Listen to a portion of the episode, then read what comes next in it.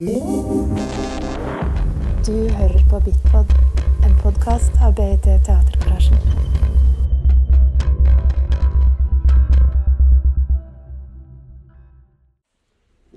Welcome, everybody. Uh, it's many familiar faces for those of you I don't know. Uh, my name is Carolina, and I'm the curator of the discourse program at uh, this festival and BIT, together with my colleague Ingrid. Uh, we're really, really happy to have uh, Florian Malzacher with, with us um, this weekend as one of our long friends and uh, a constant uh, source of inspiration. No pressure. uh, for festival guests that, um, well, can't get enough of him, he will also be speaking uh, at, um, at uh, another event later this afternoon at uh, Collective Writing with Talenes. So that's possible also to join later. We have uh, a premiere local this evening with Lost and Found. Hopefully we see you all there also. Also at Brogan Davison in the space later tonight. Uh, and the last one is Andreas Grafico at 6 o'clock at the USF. And Grafico, Egli and theater replacements. Yes. Important. Yeah, yeah, yeah, of course, of. We have prominent guests. No? okay, so thank you for coming. Thank you for the invitation um, and um, thanks for coming. Uh, I will talk uh, about well, theatre as assembly uh, and maybe as a reason or just a past trajectory how I got there. My interest in in the relationship between art and politics in, in recent years, I mean, it's not so unusual. A lot of people are interested in that, and you can see it in the Bergen Assembly as well. Um, but I remember when I started, it was very much like well, I don't know when, when all the before Occupy, but then all these movements happened and so on, and there was a lot of struggling around what is the relationship between art and politics, what is the role of artists in this, and I remember actually doing quite a lot of events as a curator and collaborator with artists, but were then suddenly moving into visual arts rather than to theatre. So, so there was a lot of inspiration there, a lot of artists very involved. For me, of course, coming from theatre, it became more and more interesting to say also, okay, but what is the what is the role of theatre in that, or what, what does theatre specifically have to offer in this? Because in a way you could say um, that theatre, maybe in the 70s, 80s, it was almost the default art for political engagement. People would say political theatre, that's the political thing. It was very, at least on a, on a broad level, where often visual art was rather, let's say, um, speaking to smaller groups, uh, I'm generalizing very much. And, but then suddenly I had the feeling, actually theatre, there's a lot of political theatre, of course, going on, but there seems not, maybe it's not so clear what, what the specific potential of theatre in as political genre could be. So I will focus on this uh, aspect in a way, trying to find out what is, the, what is specific in the ways theatre functions that can be interesting in, in political social context. Um, and by this, I, I mean, there's of course much more to it. I'm not speaking about political theatre in general. I think there are very strong other approaches, but I found that the role of theatre as assembly is something very unique, very specific uh, in it, and maybe relates also to other works that are not so clearly, uh, cannot be so clearly labeled as theatre as assembly, but, but uh, uh, in a way, of course, every theatre show is a kind of assembly, so, so maybe it's interesting to look at artistic works that really try to focus on, on uh, and, and make, make use of this aspect. The other thing maybe to say is I'm, I'm a curator, dramaturg, etc., collaborator with artists, so my examples are not um, comprehensive. It's not, uh, it's not I, I just, we just talked actually the Parliament of Bodies, which has been an interesting example as well, and there are many, many others. So I'm focusing mostly, not only, but mostly on, on artists or project where I have some relation with or sometimes was involved. So, so I'm speaking from the position of somebody, let's say, semi-practitioner, not as an artist, but involved in the post, uh, artistic processes to a certain degree, and not as a theater scholar or an outsider. Um, when I when I mentioned that that you could say, or many people would probably say that the peak of political theater was in the let's say 70s and 80s. Uh, I think it was a time where it's um, uh, theater was, I mean, I'm generalizing now um, and, and being fast at it, but the theater was very much interested in the, in the what. So the political theater was showing situations, representing situations where things were not going well, so to say. So, so, so the, the focus was very much on the content in a way, often uh, while of course aesthetic uh, development uh, changes were made, but actually the political was very much seen in the content rather than in the form, with, with exceptions always, of course. Uh, while you could say, then there was a shift in the maybe 90s, uh, from the 90s on mainly, in the zeros, uh, which in, in, a, in the more international so-called post-dramatic theater, or devised theater, uh, which would be the things you could also see at Teatergarasjen or Meteor Festival, uh, where the focus suddenly came much more into the, to the how. So how is the work produced? Like very self-reflective, like what, what does it mean when we move from there to there, like very self-referential, partly also as a reaction to it, very much about the processes of how is the work produced, and, and, and so how can theater be political in its form, I would, I would say. Again, generalizing and being very fast. But for me, the, uh, the interesting thing, obviously, and that's not very original, but actually not done so often, uh, I, I feel, is obviously these two things need to go together. So, so you cannot, I think it's a bit absurd to make a political theater, uh, deal with political topics, and at the same time don't care about the way how you do it. So it doesn't make sense. On the other hand, I feel a lot of, um, let's say, my generation, and um, and I was, so I'm not talking about others. I'm talking also about myself in this. That the the focus on the on the how also leads into a trap to a certain degree because it can, can become very self-indulged, very self-centered, and very much about uh, finding out everything in, in the form and forgetting a bit about the content in it. This is, uh, it will become more concrete in a moment. Um, so I'm, I'm interested in, I think, uh, this, this uh, topic of theatre assembly is leading very much to it, is um, in a way the thin line uh, that marks the proximity as well as the distance between theatre and politics. So, so what, where do they overlap or seemingly overlap and then actually go in different corners again. So it's a line that can be crossed, hidden, played with, made with porous, but I think it cannot be ignored. It's like the, this, this, line is actually, I think, very much an intention in a lot of uh, theatre works uh, recently. Um, so, so I'm, I'm, will be talking about actually also an art that does not only want to represent, as I said, but, uh, but also wants to actually become part of the change. Um, and, and, and kind of tries to see, and this might be another thing in the like in how useful can art be would be another topic, but uh, that tries to, to get actually involved in social processes.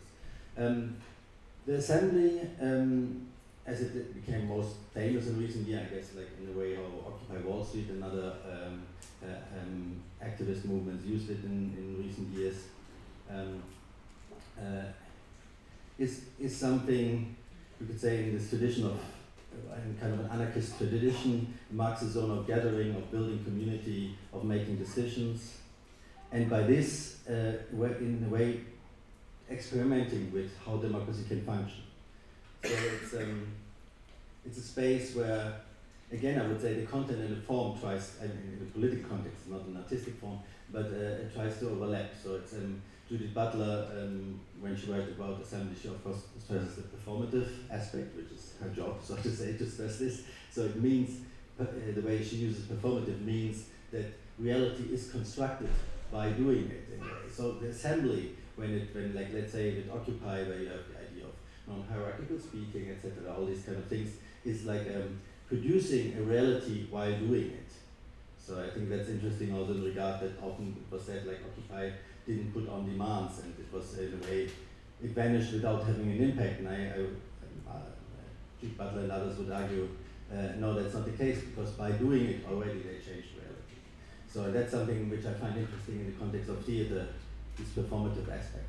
It's, it's not by only by talking about it or projecting into the future, it's happening in the moment uh, where it is happening. Um, there are many, many um, things to relate, I think, this idea of assemblies to theater. You can even say, when you look at the Occupy assemblies, I don't know if you attended uh, some or, or the variants all over the world, you would say it's already a very theatrical moment. Like it uses a lot of forms that are very performative in the other sense of performative, like like theater-like almost. Like you have the, the hand signs, you have um, and not necessarily in the, in the assemblies, but when they're big enough, you have the human mic where somebody says something and others have to repeat it so everybody can hear it if there's no microphone, which is very performative. It's a moment where you basically, uh, the audience, in this case not the audience, the other members of the assembly, repeat what somebody says. Even if you disagree, you're kind of supposed to repeat it first before disagreeing. So it's a very, and, it becomes embodied in a way, the voice becomes embodied by the whole assembly,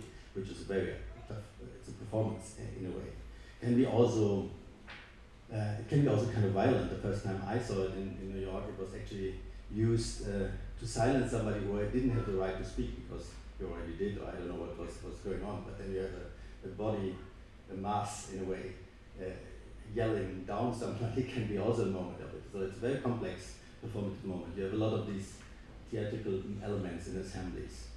And I think the most important is, and that's what the assembly of bodies also relates to, of course, uh, is the coming together as bodies, uh, which we do in theater as well. And there's a nice, nice quote by Judith Butler, which she, uh, uh, it's in her, later was in a variation in her book, but she, she first talked about it uh, in her speech at Occupy uh, Wall Street, which actually was repeated by the human mic. So it was a speech uh, also which was theatrical in that sense. And she, wrote, she said, it matters that as bodies we arrive together at public as bodies we suffer, we require food and shelter, and as bodies we require one another in dependency and desire. So this is the politics of the public body, the requirements of the body, its movement and its voice. We sit and stand and move as the popular will, the one that electoral politics has forgotten and abandoned. But we are here, time and again, persisting, imagining the phrase, we the people. So I think that shows very nicely the the, the role of the, of, the, of the bodies in this. And at the same time, as you can say, uh, the assembly can be a source of inspiration for theater. I would say there's a crucial, a crucial difference uh, between uh, an activist assembly and a theater as, as assembly, um, which mainly is related to uh, a certain belief, I would say, especially in an anarchist tradition of, uh, of assemblies, into a strong authenticity. So by, by when I said, yeah, the performative moment is you really live it, there's also danger in this belief in you really live it. Because it, it needs to be an authentic moment. It needs to be the moment, the moment of truth, basically, uh, that, that is uh, created there. And, and uh, I guess the strength of theater rather is not to believe too much into this authentic truth. Or maybe more complex, to believe in, an, in the possibility of an authentic truth, of the here and now, and at the same time not to believe. And, this, and to, to have this not necessarily as a contradiction, which is um, maybe the interesting thing. So theater is not only a social medium, I would argue, but always also a self-reflexive practice. Um, so, so theater is a paradoxical machine that allows us to observe ourselves in a situation where we are part of. It's a bit like the how, how is this near-death experience? you, you see yourself in a situation. I mean, uh, so, so, so this is, I think, the interesting thing.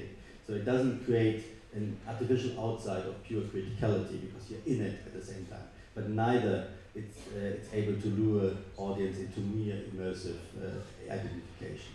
So I would be very skeptical, for, for example, about the idea of immersive theater. You can do whatever you want, but at least as a political tool, uh, I, I, I, would not find it interesting because what is it being immersed in something. Uh, uh, so, so, so, so in a way, theater is both. It's immersive and critical at the same moment, uh, in its best moments, I would say. Um, so theater marks a sphere where things are real and not real at the same time. Uh, it creates situations and practices that are symbolic and actual at once, which is also something which is a feature to any theater, like even the, like the most conventional.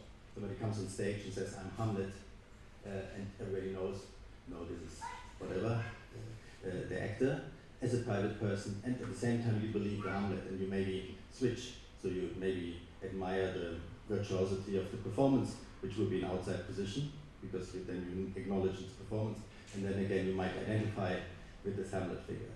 So, so the, that something is real and not real at the same moment is, is conventional in theater, but to make use of it, I think is the political moment, and it's very, it's very Brechtian, of course. It's a Brecht idea of, of showing, always saying, referring from the outside. This is how it functions. That's a political moment. You're in it, you're part of it, even in an assembly, but at the same time you reflect on it. So if this would be a, a theater performance, ideally there would be markers to make you at the same time think like, why is he talking, not me? Why are we're sitting like this? Why is the light like this? What is the structure? What is the hierarchy of the situation? Who invited? Etc. So then, uh, and at the same time, you're taking part of it. So I think that's the that's the interesting possibility of theater.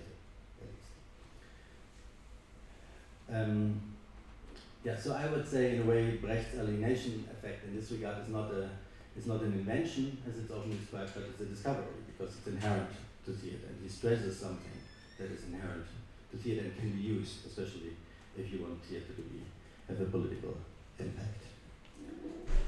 Um, yeah, one to start with the work um, explain a bit more how this research or this uh, theatrical work can look like would be uh, studying with um, Lotte van den Berg's uh, ongoing project, uh, Building Conversation, where uh, I would say, so Lotte is trying to reduce theater to its core. So, so she said, like, what can we do when we take off everything that is nice to have, maybe, but it's not necessary to still have theater? And there can be different definitions of it, but uh, she probably would say, or at least in this project, she says, for her, it's most, uh, first and foremost, a place of communication, a place of meeting each other, that's clear. Uh, a sphere where conflicts can be shown and experienced, I will talk a bit later about that. And uh, an agreement to communicate by obeying often very different rules. That might be the aesthetical regime, but uh, that you, you know there are certain rules. Like now you are supposed to listen rather than to yell at me or whatever. So, so you, you kind of know that there are rules involved. And I think a lot of the thrill of contemporary theater, of course, is that you don't necessarily know the rules, and you, you're in the situation, you try to find out what are the rules, or maybe you, can understand them, maybe not, but uh, the rules are important. So, so in a way, what you did say, okay, I, I will stage, uh, I, I will, yeah, stage is already the question, I will set up conversations um, uh, that have certain rules. So she chose conversation models from, from, from all over the world. There was an Inuit uh, assembly where apparently there are conversations without words. You just share the space and you don't talk. Um, she took some from David Bohm, um, who is a quantum physicist who wanted to develop a way of communicating where there's no clear idea, there's no topic in the beginning, there's no leader of the conversation, but try to, to foster a collective intelligence of talking. Um, she um, I took a monologue, a, conversation from the Jesuits, which have a kind of way of reflect on God by talking, then reflecting, uh, meditating, going back into conversation, etc. So she took all kinds of different conversation models and also developed one, which I mentioned because this is how it, where it came from, and I also would relate a lot to it, uh, um, that refers very directly to the, to the Belgian uh, political philosopher Chantal Mouffe uh, and her concept of uh, agonistic pluralism which I will later uh, also talk about a bit. So, so basically, what she did is um, she created a situation where you would arrive in the evening, you get a ticket, you buy a ticket for one conversation, maybe there are several parallel on the other day, it's like, like a normal show. You arrive in space and, you, and then you go with like usually around 15 other people or 15, 20 other people to another, to another space. And then you would be told the rules of this conversation. There might be a moderator if the rules require a moderator, there might be no moderator, there might be a topic given or not, depending on the rules. And then you spend the time there together. And um, what I found quite interesting is uh, in this situation is so first of all, yeah, I think it works quite well uh, this mode of observing yourself in the situation because it's a theater show, you bought a ticket, you're, you're in there and you sit there and you're supposed to talk. There are no actors, there's nothing except uh, this group that is here. We would sit now maybe in a circle or whatever is required. So you kind of also have a responsibility. You might not like it, you maybe uh, would be stupid to buy a ticket for this if you hate participation, but you maybe you didn't read the program well and you thought you'd get a, a real show. Uh, so, but yeah, now you're in, and you're in in a small group. So what do you do? It's clear this will only become interesting if somebody does something, otherwise you just sit there for the rest of the evening. So, so you can leave, but then there are not so many people. Is it, is it okay to leave? Do you have a responsibility, etc., etc. But also maybe during the course of the evening, like who is talking in which way, who's talking more, who's talking less. All these things become very, very obvious, I think, by the frame of theatre. And you could say it's a very minimal frame, maybe just the ticket you bought that marks it as theatre. So there's so what does it need to mark a situation as theatre? All these questions, I guess, come come up quite strongly in this work. And uh, yeah, referring to Brecht again, I would say, in a way, this is Lotte, Lotte van den Berg's answer um, something that, that Brecht already um, analyzed in, in his famous short organum for the theatre from the late 1940s, where he wrote, uh, the theatre as we know it shows the structure of, uh, of society represented on stage as incapable of being influenced by society in the auditorium. So this is the basically the critique of the representational theatre. You can show the worst circumstances on stage, but you're not able to influence it because you're sitting there and have to shut up. So Brecht was thinking about other models and uh, developed, um, uh, of course, in the learning place and so on. So it's kind of precursor uh, to these things. So you, could also say, and that's the other critique, and maybe the more severe and complex critique also now in current debates about representation, identity politics, etc., is uh, what does representation do in a way? Brecht would say, and others later would say, you basically repeat uh, the, the injustice, the violence on stage again. To, of course, with a good cause to analyze it, to understand it, not to do it anymore. But by this, you, you repeated something that is called like double violence. So, so this is the this is the strange uh, uh, dilemma of representation also one I would say we never get really out of, so it's not, so you cannot, there will always be representation, but something to understand in the problems of representing, especially of representing others, which usually is done by an actor representing somebody else. And the other thing is, um, uh, yeah, so that, oh, so, you, so you could argue that the, the play, but also the structure of theaters very often, etc., the whole surrounding and so on, is basically reproducing the situation David wants to critique. That's the dilemma uh, of it, uh, of, uh, of representation. Uh, so if you have representation as a problem in political theater, you have um, maybe the biggest other issue then would be participation. Uh, of course, they overlap and so on, but um, if you talk about theater as assembly, participation is of course crucial. Assembly without participation is a bit uh, ridiculous. Um, uh, so I'm not going too much into the problem of participation, which of course also is a problem. So, so, so because we, we in the, let's say, however you want to call it, capitalist, neoliberal, etc., society way, and we are of course permanently forced for, to participate. So, so I would say mainly as consumers, you permanently are active in choosing, do I want this shoes or that, but also we go to vote and we do all, so, so it's not a lack of participation in, in this regard. It's the opposite. There was never so much demand to permanently be actively uh, uh doing something, but it's, it's very often going in, a, it's uh, contained by a consumerist uh, approach. So participation is not necessarily positive, or we can say there's a certain simulated uh, participation where we kind of like in a critique of the electoral systems, you can say yes, we, we participate, we vote, but actually there's a limited choice, and uh, and and it's more like uh, we make we, we are making being made accomplices in what is done afterwards by actually not really being able to influence and so on. So there's a lot of the debate around the question of uh, participation, and I would say that is mirrored also by a lot of participatory theatre, which in a way seems to offer participation, but it doesn't. So the director has thought of like, okay, you can go to this lecture or next door, or you can go in this direction, this, but it's all pre- it's maybe a bit more complex pre, pre, uh, preconceived, but it's, it's just as, in a way, unparticipatory as, as another show. So, so a lot of participation just forces you into the into the vision of somebody else, one could say. It's not real participation because you're not really able to influence it. Um, so it's uh, maybe passi- passivity disguised as activity, you could say. So there's a it's a tricky thing what actual participation also in theatre means, and uh, there are many uh, more aspects of it.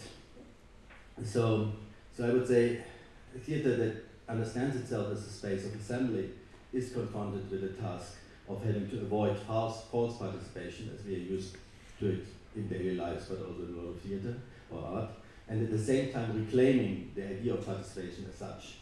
Um, so in a way, participation that aims for more than mere replacing one mode of tutelage uh, with another. Mm. So, so the question of participation, of course, not only goes. I mean, it, it, it, it is a question for the audience, but also for the people on stage, if there's a division, and and again, it rela- relates again to the to the, the problem of representation that I already mentioned, and this is the, I guess one of the big debates in theatre at the moment is like um,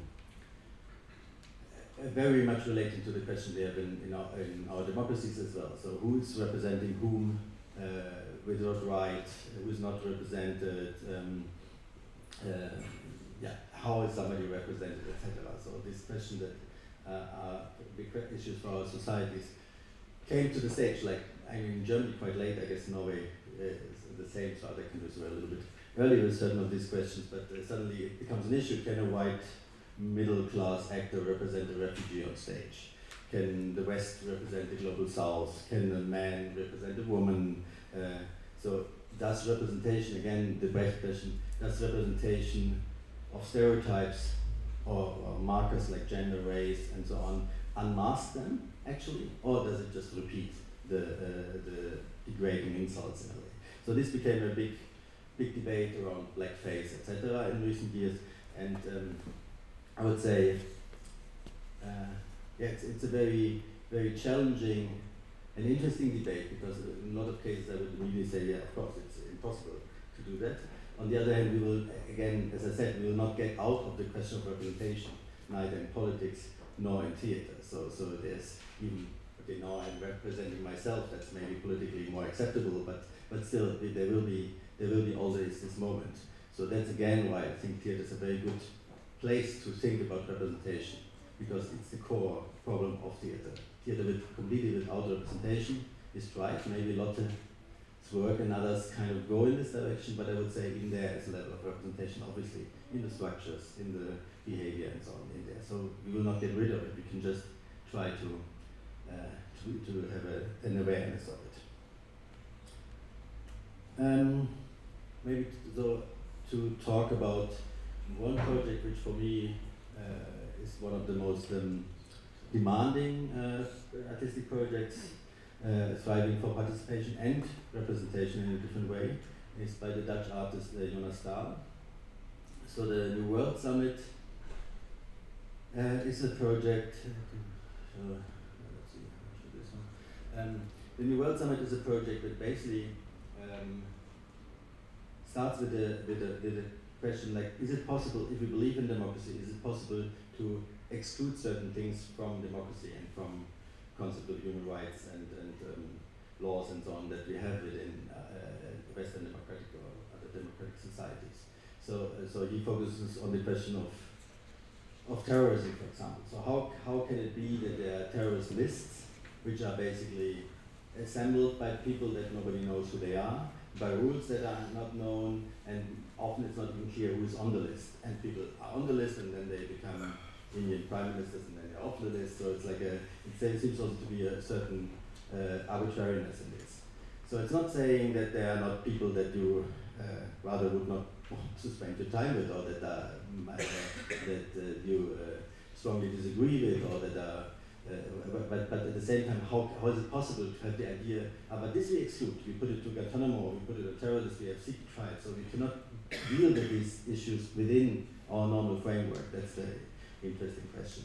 And do we need, uh, do we need to talk about this? So he, he in his uh, New World Summit invites people that are representatives of organizations uh, that are illegal um, either in specific countries or in, or in, in, in the world or in the West or wherever, uh, depending from case to case. And I would say it's mainly, it's, a lot of them are about independence fights. So the, the Kurds in, that, that we unfortunately had to read a lot in the last days about the, uh, the Kurds in northern Syria and Rojava, uh, um, for example, would be an example, but many, many others. Um, so he basically creates a space where uh, these, these voices can be heard by representation, because of course you cannot invite a terrorist to speak, or somebody who is considered to be a terrorist.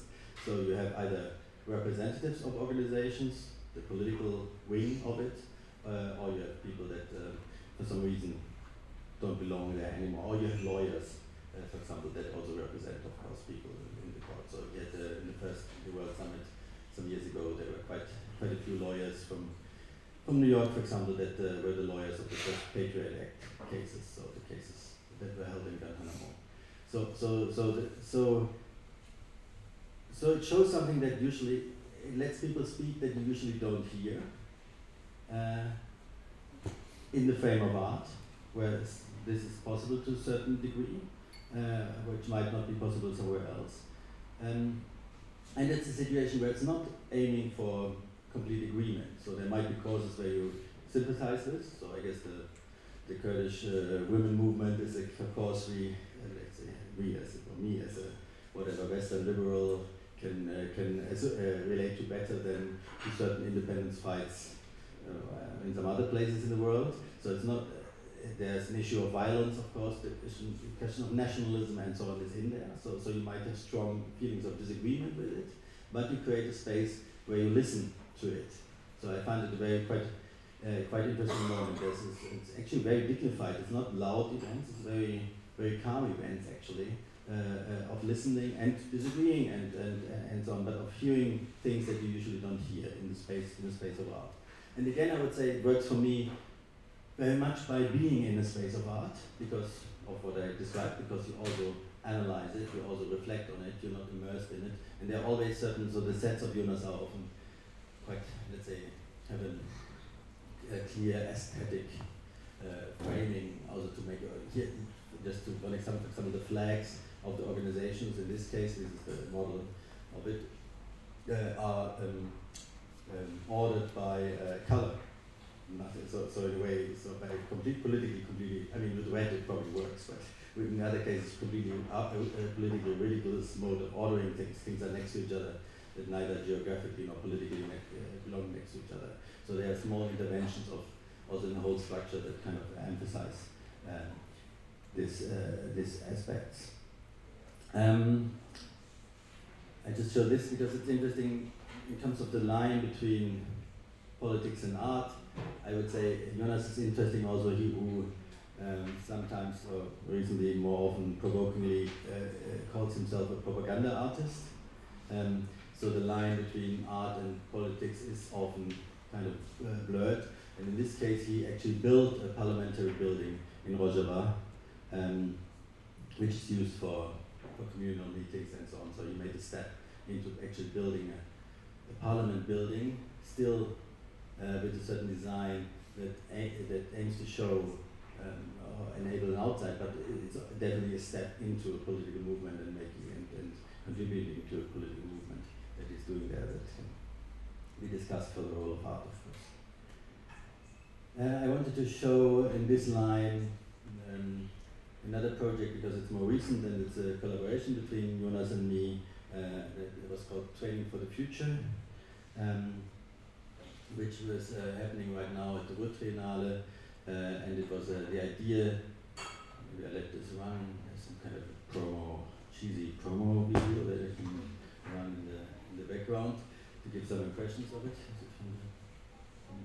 Um, so basically the idea was to approach the, the notion of future, of course, that we know and we also know, and it's a common phrase that the notion of future very often is um, uh, used only in the dystopian mode, so we know the climate catastrophe is coming, societies are going, so we just need to read, read the newspaper, so it's very difficult to take, have any take on the future where you still think you could have a stake in it can have a stake in shaping it.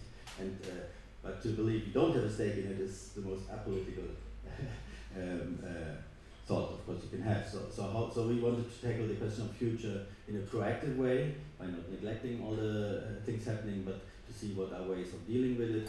Uh, and we wanted to um, actually also deal with the notion um, of, of bodily presence of the collectives on time and so on. So the idea of a training, which is of course not only, I mean, there were theories and talks and so on, but also uh, a strong emphasis on, on, uh, thinking of the of the body in the situation of the collective uh, situation that is there. So we had like a, I think a 14 or 16 trainings from trainers from all over the world that kind of developed methodologies of yeah, what would it mean to train for the future uh, in a way. Uh, so this was a, in a way, let's say, a step away. Maybe that could be in the also be in the end of the talk in a way. So it's kind of for him, uh, it, it, was a step out of the assembly mode to say uh, to, to a different kind of communication, but still uh, dealing with assembling people, of course.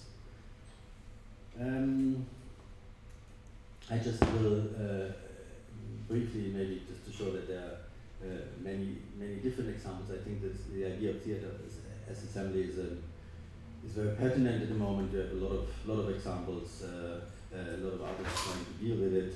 Um, and um, uh, this was in the, I will not talk much about it, but this, was a parliament uh, in the festival I was running where, where um, Dana from Public Movement did a project that she also did in Helsinki before uh, in the Baltic Circle Festival uh, with local politicians. So, so in this case it was about bringing cultural uh, politicians from the cultural sector to the front from all parties and have a debate about cultural policy which in a, let's say in a German context or in the context of North Rhine-Westphalia where it was happening is in, in a way difficult because all the cultural politicians kind of tend to say, no, no, we all agree, we are against the rest of the politics. So, so it's very difficult to define at the moment what is the difference between the conservative, the green and the social democrats or whatever because they kind of say, no, no, we don't, we need to stand together against the financial minister or whatever. With the one exception, of course, the right wing, the far right wing party uh, so, so we, but we were we, we were arguing, but if, if cultural policy should be something I might think of voting for one party or another, if it's an important issue for me, I need to see differences between parties. It doesn't help when you all tell me that you all actually agree on there should be more money for everything. So, so this was the struggle in this, and I would say it was difficult uh, to convince the politicians, which is interesting. It was difficult to convince the politicians to take a clear stand and make the differences visible. In this field, I think, I'm sure in other fields it would be easier. Um, but we, we uh, public movement, uh, the an Israeli dance and research body that uh, did this show, uh, deals a lot with the notion of pre-enactment, which I find quite important in, the, in, the, in this line of thought as well. Um, so uh, again, it's also maybe in line of saying, how you, by performing something, you make it make it happen. The notion of pre-enactment, as Oliver Marchart, the political theorist, describes it uh, quite nicely as a, as a training, as a training session. So it's not, you, you kind of like, you don't reenact something, which is the more common thing, you know. There was a dance performance by Isadora Duncan, and now you try to redo it with the notes you have, so that's a common trope in art. Uh, but the pre-enactment would be something where you say like, okay, we don't know what is what will go to ha happen, so we try to pre-enact an event of the in the future. And, and since we are not fortune tellers or whatever, it's clear it's not about finding out the one thing that could happen, but it's more, as Oliver Marchart says, a training session in regard. He, he describes it with, um, uh, with classical ballet, where you would train all the time, rehearse, and but not in a specific mode, and then the choreographer would come and you would be able to do whatever the choreographer wants of you. So, so the I don't know the analogy that the choreographer is the future is working well, but but in a way you prepare for a future where you obviously you don't know how the future will look like, and at certain moments, but it's it's so it's a training in this regard, but it's also offering poss possible modes of what could happen. So he describes like one session, Marchart uh, describes like a, how public movement was doing street dances as an, as an art, like interrupting the traffic with, with certain folk dances, uh, uh, uh, Arabic and, and, and Jewish uh, folk dances to interrupt the traffic and so on. And it was done, and then suddenly this performance was picked up by demonstrators years later when the demonstration in Tel Aviv was happening. So you could say there was a form, a form offered of, of protest, of being together, of dancing, that this one, what then was picked up. So, so this could be a, mo a moment. So to think of it, uh, art as a potential, uh, that could have a political potential in the future, but we don't know where it's, where it's going. Um, well, in this, in, in this case, I would say um, uh, it didn't work. I mean, I think in Helsinki it worked differently, but in our case, uh, it didn't very, work very well as a pre-enactment because we didn't manage in the end that the politicians would say something different than they usually do. We didn't manage. We said like, okay, it's about your own stand. It's not. You, you can say that you hate the right-wing guy, but you could also better maybe use the time to make a different proposal instead of spending all the time of saying why the right-wing guy is bad. Uh, and well, in the end, they said all the same, and they all talked about the right-wing guy he is.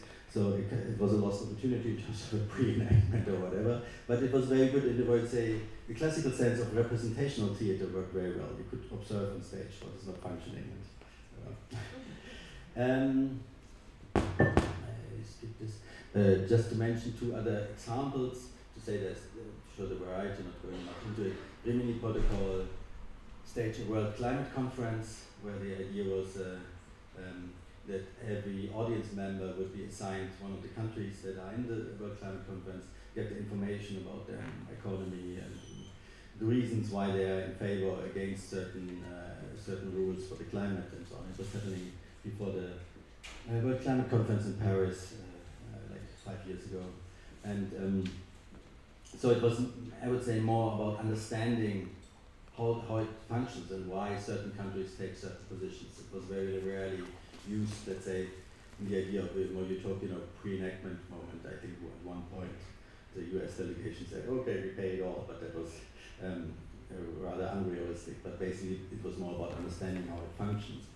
Uh, and I would say another, there was another uh, conference also dealing with the World Climate Conference, which was probably closer to the idea of the pre-enactment, and they actually used also the term of uh, uh pre-enactment, which was um, a conference that um, was organized by Bruno Latour, the philosopher, and uh, I, uh, the, the, theater director Aït-Touati and Philippe Quesne, uh, and um, and it uh, tried to to uh, introduce different rules of negotiation, different delegates. So it was a, it, it, so it actually tried to be an alternative climate conference in, in that regard, and um, and of course in a very Latourian sense at, uh, for example, in terms of representation, think like the representation of non-human entities, which of course in, in the Latour case plays a role. So what other actors can be, and then you have to represent them because, uh, um, well, um, uh, loosely spoken, the, the, the dog and the stone cannot represent themselves in, in, in this kind of context. So, so in a way of negotiating, what is a way to represent the entities that are also um, victims of the climate catastrophe uh, how can they be represented, or is it beyond representation or, or whatever uh, in, in this case. I mean, I would say this stays in this work and also in the writing of Latour a bit unclear how we achieve this, but as a, as a challenge, it's of course, I think especially also for theatre, an interesting challenge to, to think about this kind of representation. Um, I mentioned before um, yeah, the, the, the concept of uh, agonistic pluralism, which I find quite, quite important for theatre and especially for theatre's assembly, uh, which is a concept by uh, Chantal Mouffe that probably many of you know. I will just briefly say what, what she's what she's arguing. In a way, she's arguing against the situation that I was describing with the parliament and, and with the cultural politicians. She's arguing against a certain idea of consensus uh, in politics, which is a guiding idea for a lot of leftist uh, philosophies. Um, from Karl Marx and others. And, you know, in the end, comes communism, which is consensus. Habermas as a different. So they, they actually roles. There are many different concepts, but they kind of tend to end with the ideal vision that there would be a consensus, and we all are smart enough or really think or whatever, and then we could reach a consensus. Uh, and and Mouffe and uh, and Ernesto Laclau and others argue, well, that's nice. I mean, we all would love to live in peace forever, but it's not very likely uh, we have um, humans like we are. So, so there will always be, be conflict. It's, it's, it will not be resolved. And by trying to say we need to reach consensus as an idea, what we do instead is we kind of cover up the differences. We don't let them speak like you know stars in the World Summit. You just ignore it We say no, it's outside of the consensus. And what would happen then? She says uh, this necessarily would lead to an antagonistic situation, situation of civil war or complete fight because it cannot be negotiated. Any, there's no common ground anymore, and there's no way of speaking. We can just hit each other basically. And she proposes that the model against this, and instead of a, a consensus, we would need an agonistic model. So basically, uh, an arena where we can play out and act out our different our different opinions. We have to live. We have to live with them. We have to listen to them. We can we fight them. So this the agonistic model is not a nice. Yeah, we talk about the differences. It's a it's a struggle. It's a it's a it's a serious fight. You want to bring your as Mouffe would say a uh, uh, you want to bring your hegemonic project, you want to win with your project. Uh, so it's not about agreeing or whatever, it's about really trying to fight and win over the other. But by this, you need to know what the other is doing. So that would be the model. The, so democracy has to be an agonistic sphere, an agonistic space. And for me, that, that and others, this relates quite a lot to, to what theater is in a way, I would say even again, even in conventional theater, theater is about conflict. You have the king and the rivals of the king, or you have later in psychological drama, you have whatever man and wife, and uh, you, you, it's all uh, showing conflict is basically in the core of dramatic theater, even, uh, and or it might go in psychological theater, the conflict within one person, but it's always almost of the time about conflict. So, so anyway, it's uh, theater is a place where it is done, and of course, you can say the in the word agonism of course, place, the word agon, which was a well sport competition, but it was also the competition of arguments in Greek in Greek tragedy. So so there's a theatre link in it, and I found it quite quite productive to to relate to uh, to, to this model and of course to transfer a political model to artists. Always a bit tricky, but can you know it's also the freedom maybe to to uh, to just use it in a way it works for uh, for theatre. I want to show one example um, of a difference. So it's not a parliament situation, it's a trial situation. Uh, and one of the most famous artists, I would say, in this field is uh, Milo Rau, who, who staged several trials. Uh, and one of them, the first was, and for me the most interesting one in, in, in a way, uh, was the Moscow trials, where he uh, staged um, well, he, he didn't reenact, uh, he, re uh, initiated three, three famous trials against art and artists in, in, in, in Russia in the 20, 21st century. So the two trials were um, were about censorship of, uh, of exhibitions that dealt with religion. So they were stopped and the artworks were demolished and so on. Uh, and the third one is the famous riot against Pussy Riot um, after their performance of the punk prayer in the uh, Christ the Savior Church in Moscow. And uh, what he did is basically, so he had three days, each day would reopen uh, one trial. And uh, the, uh, the protagonists in this trial were, um, on one hand, artists, curators, cultural critics, etc., philosophers. Uh, on, on the other hand, um, conservative or I would probably say reactionary TV commentators, um, act, uh, orthodox, ex, orthodox activists, etc. So, so, so the persecutors of the art would be the people that were the persecutors in a way, at least symbolically, and the defenders would be the people also involved. So a lot of people were involved and actually were involved in these actual cases. I maybe we have a. Начинается финальная часть слушаний по делам искусства и религии. Мы завершаем наши сессии. которые здесь продолжались на протяжении более чем двух дней. И слушание объявляется открытым. Не разбирая даже подробно эти три события, мне кажется, тут все предельно ясно.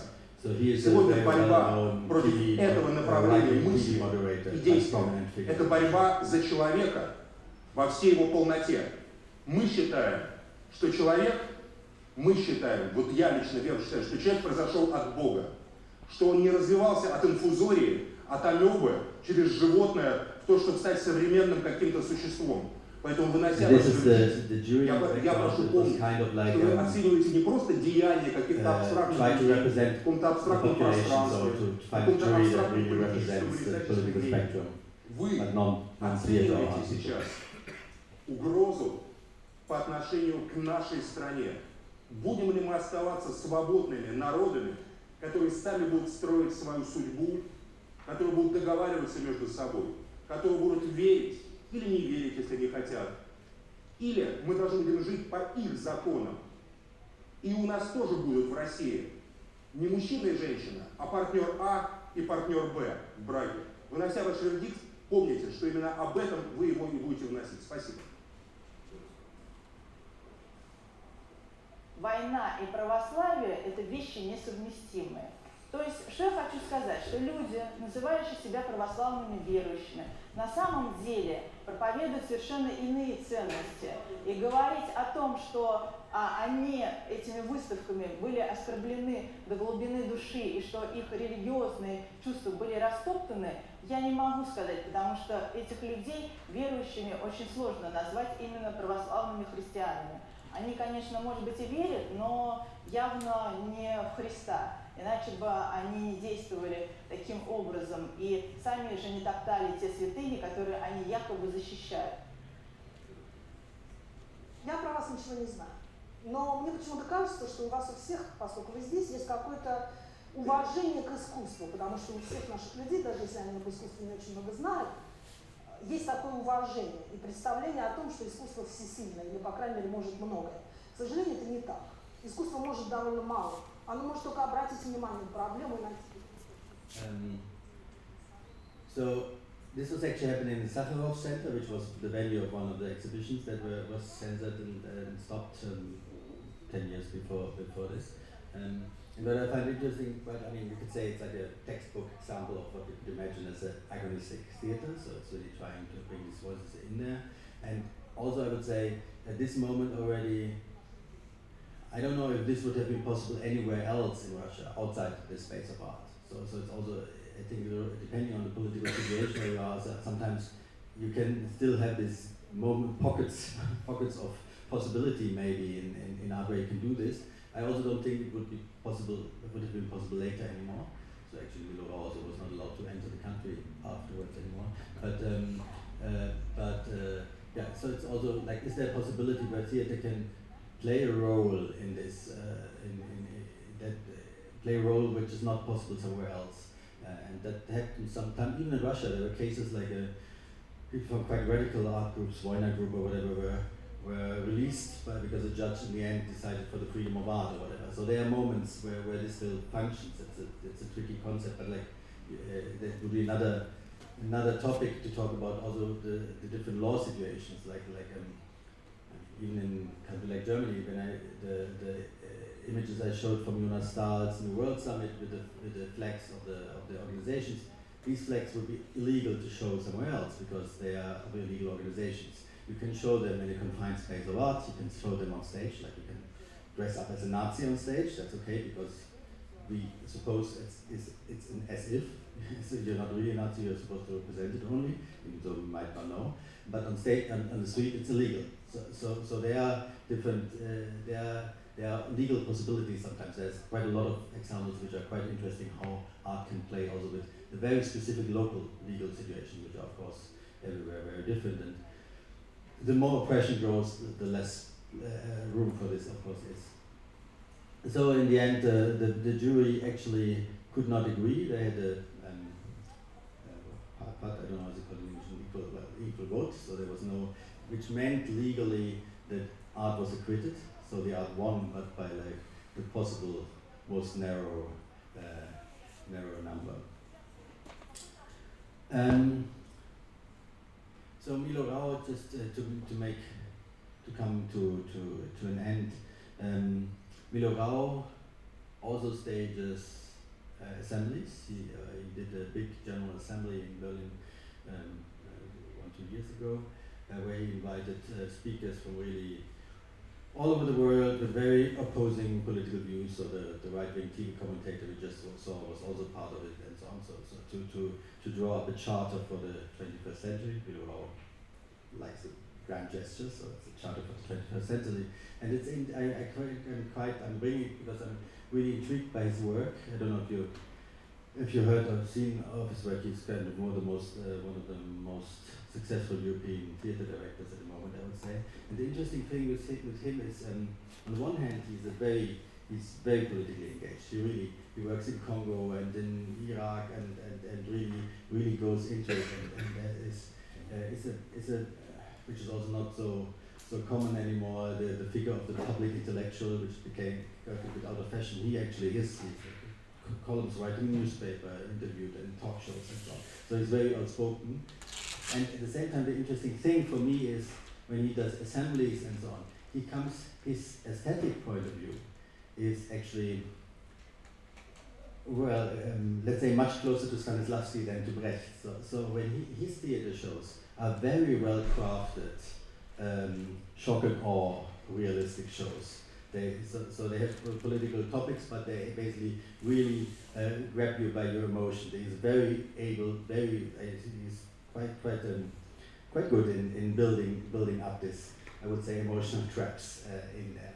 So he, he uses, if you've seen a show of his, not like he uses a lot of elements that would make you believe like actually he's a he, he's a Brechtian in a way. There's cameras on stage. There's all these these uh, estrangement effects there but actually uh, it's kind of genius. He uses them to, to give you a feeling of comfort that you're in control, you, you will uh, intellectually in control of it, to then actually hit you on, uh, on the back with a Stanislavski bat uh, and, and, and uh, kick you emotionally in, in, the stomach, which is very impressive and I'm, I'm, I'm generally totally okay.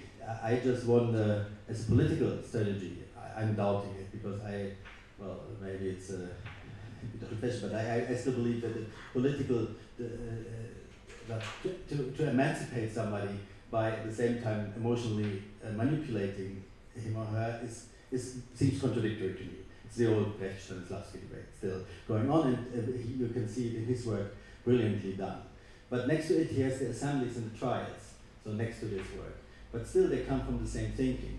And, and this assembly was, for example, quite interesting in regard so what, who is staging it? So there's still Milo Rau in the back. He's not visible as a director. Of course, people say what they want. It's a parliament, but it's a parliament chosen by a person who stays invisible, which is, you can say, with Jonas Staal also the case. So, so, so how does it function? What is the political moment in it?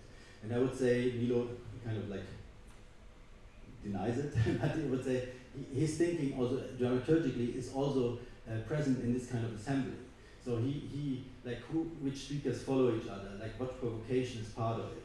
And there was an interesting moment because uh, uh, at one moment uh, one of the speakers denied uh, uh, the genocide on the Armenian uh, Armenian people, and then there was of course an uproar in the audience. People were also Armenians were there and so on. So there was a, a huge debate. The thing was stopped. Milo had to come to stage. So suddenly the the the show was broken in a way. The director went to stage this guy was kicked out, and there was more debate, and he was brought in again, uh, and and it just an, it just was an interesting moment because actually then it became interesting for me in, in making the circle to the uh, to the beginning because you can say this was then the moment where actually uh, this thin line of of uh, between politics and theater where I think he kind of like tries to hide it because uh, as a director became suddenly visible and it turned into you know you can say turned from art into a real political moment that was out of the hand. and was maybe not also not aesthetically defined anymore. It didn't have this outside. It was fully emotional, uh, uh, fully political debate in the moment, which I found found quite interesting. So this is a thin, just to, to show the the thin lines in it. And for many of these questions, I don't really have an answer. It's like a, it's it's just an ongoing field, but it's a it's not a completely new field in theater. You can trace theater's assembly back, of course, to whatever Russian uh, Russian models, um, which also were uh, Benjamin writes about also tricky because they had these show trials, which were first theater trials, but so realistic that you didn't really know if it's theater, and then later with Stalin, you of course had real trials that uh, that appeared to be theater. So there was a movement from art, or from art, propaganda art to to to politics, uh, which was uh, very uncanny, obviously. Um, so yeah, so so I think this is um, uh, this is an interesting terrain as, as in, in, terms of of theater at the moment and uh, uh, where a lot of the questions that are current, even in other shows, so that's why I'm talking about it, because I think the question of representation, of participation, etc., etc., are, are visible in many, many shows, and this is one take on it that makes this very visible. So I think it's helpful to understand this, and then it relates to many, many other shows. I would say to to do something like a final, final sentence that I, as I said, I, I, I believe that here the potential as theater, ex exactly as something which is political and art at the same moment, can, can really, in good moments, enable a, a space also for, for radical imagination, also a space where things can be thought outside of the real realpolitische box that we, that we are often in. Uh, and at the same time, it's not just talking about it, but can try it out in, in the real assembly of people that we always are at theatre uh, and, and often don't make, make use of it. Thank you.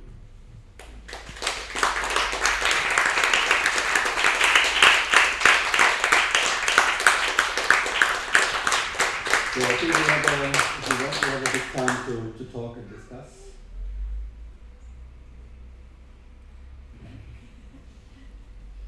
This is not possible, there's at least 12 hours of discussion, please. Yeah, the, the comprehensive, uh, the comprehensive one.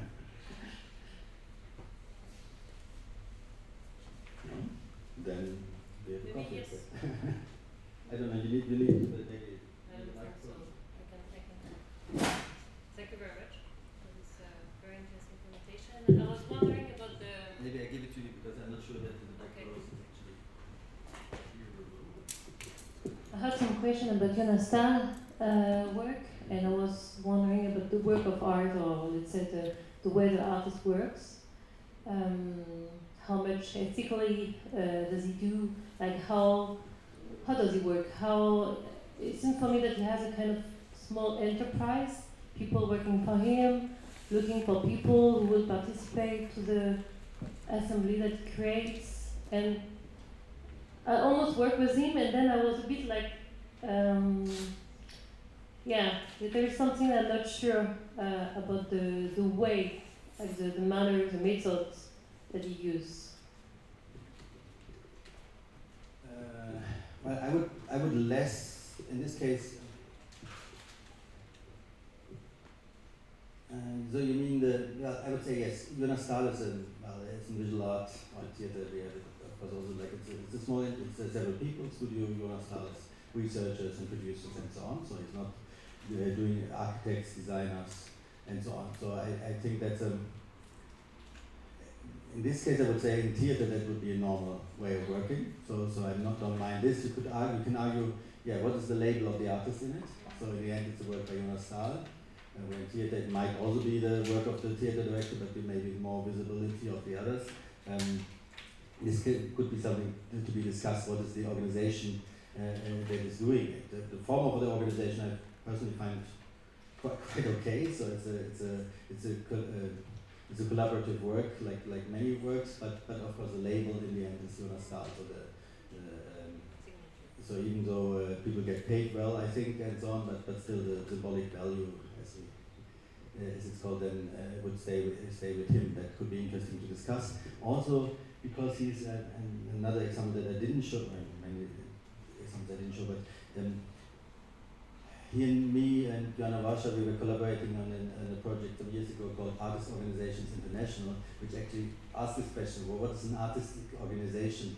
So can, you know, so in terms of reenactment maybe, but also in being performative in the way that a lot of, um, uh, in recent years, a lot of artists actually have organizations as their artwork. So it's not, not a, like Staal, this is a production company, eh? so it's not the case. But the New World Summit is an organization which at the same time is an artwork. Uh, and, and, and this is something that, that you have quite often, and the question of like, uh, what does it mean? Like, can, can you address this question of the organization and so on? And it is really, really quite, quite interesting. So I would say we would have to separate, and both can be common, I'm not def, uh, defending it, but like the production company and, and the symbolic value for him, and then the New World Summit, for example, as an organization. How is this structured?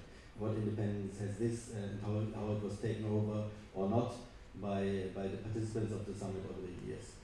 Uh, but I would say that the, the framing, that's maybe more, uh, uh, one of the other dilemmas we are in in terms of representation, all this is the framing of something as an artwork, which is very helpful, as I, I to say, to, to, to, to, to have a different look at things, often still implies the, the artist as, as the figure that creates the artwork. Uh, and that's another field. So yes, I think the dilemma is, is in there. I think that for my feeling, Jonas is trying to, to uh, work very openly with it and, and to address it, but, but uh, yes, it's, it's, it's there, I would say.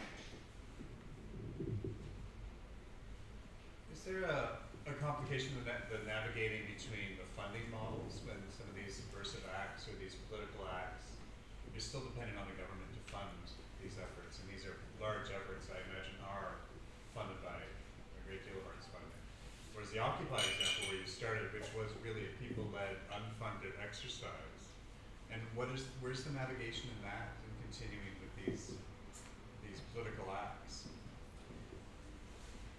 I mean that's that's of course very complex because it will be very different in each context, like where the money comes from. I mean, generally, I, I always have the position if it's state money, it's our money. So I'm, I'm, i would never personally I would never hesitate uh, public funding. Um, other people see it differently, and people involved with Occupy would see it partly differently. But for me, this is uh, if you can if you cannot take the money of the state, which is basically our money, then then I don't. So, so I would rather reclaim that. But but of course the problem comes sponsors and so on, but maybe even more like there's also an institution dealing with it. So what does this institution represent? That might get state money, but maybe funds from other things, but also has a certain hierarchy within. So that's that's another. So this question of artist organizations was one of was also relating to what kind of organizations and, and institutions do we need. And, and for me, like I'm, I'm being on both sides, shifting from one side to the other, sometimes representing an institution, running a festival or working for a theater, sometimes being invited to do something. So I think that's a really complicated mode of negotiating. For me as a curator, I would always say, this would be something I would always try to make visible. So, so I would never, let's say like um, we did a project many years ago in, in Graz called Truth is Concrete, which was a big quite big event with artists and activists and so on, and a lot of people there. And we had a very rigid framing, like there was a time time scheme running day and night, and it was extremely rigid. So we proposed a very rigid curatorial form, and next to it a lot of free, freedom. So, but we kind of at one point said like, no, it needs to be visible that we are an art institution. We're not an activist. Uh, uh, we are not active. We might be activists at, as, as private persons, but the institution is not an activist uh, institution. So I sometimes think this dilemma maybe just have to be made visible. They have to be negotiated in each case. So what are you willing to work with in which context? Or maybe no, this this we don't do, this money we don't take. But but generally to show to show who is hosting it, where's the money coming from. That would be, and maybe this can be done in a curatorial, not only by a disclaimer outside the door, but but in form of a curatorial way of dealing with it. So I, I at least would, as a curator, always make clear this is a curatorial and not an activist approach, even though it might be taken over or handed over to, activists. But this is, yeah, I, this is also a dilemma that will always stay. I think all these things, that's why maybe what a, there are no, for me there are no, no answers with representation, with the money, with the organizational frame, with hierarchies. It's just a permanent struggle. There's no perfect answer. I don't believe it. We don't get out of it. Maybe just as well as we just cannot decolonize now the next week or whatever. So we have we have to, to understand the, the ambivalence and dilemmas we are in and maybe try to project what could come afterwards. But but but uh, as a political statement, I think it's important to acknowledge acknowledge these dilemmas and not not hide it. Which also means that you're allowed to acknowledge it, which sometimes in political current debates is also sometimes difficult because uh, yeah, that's, that's another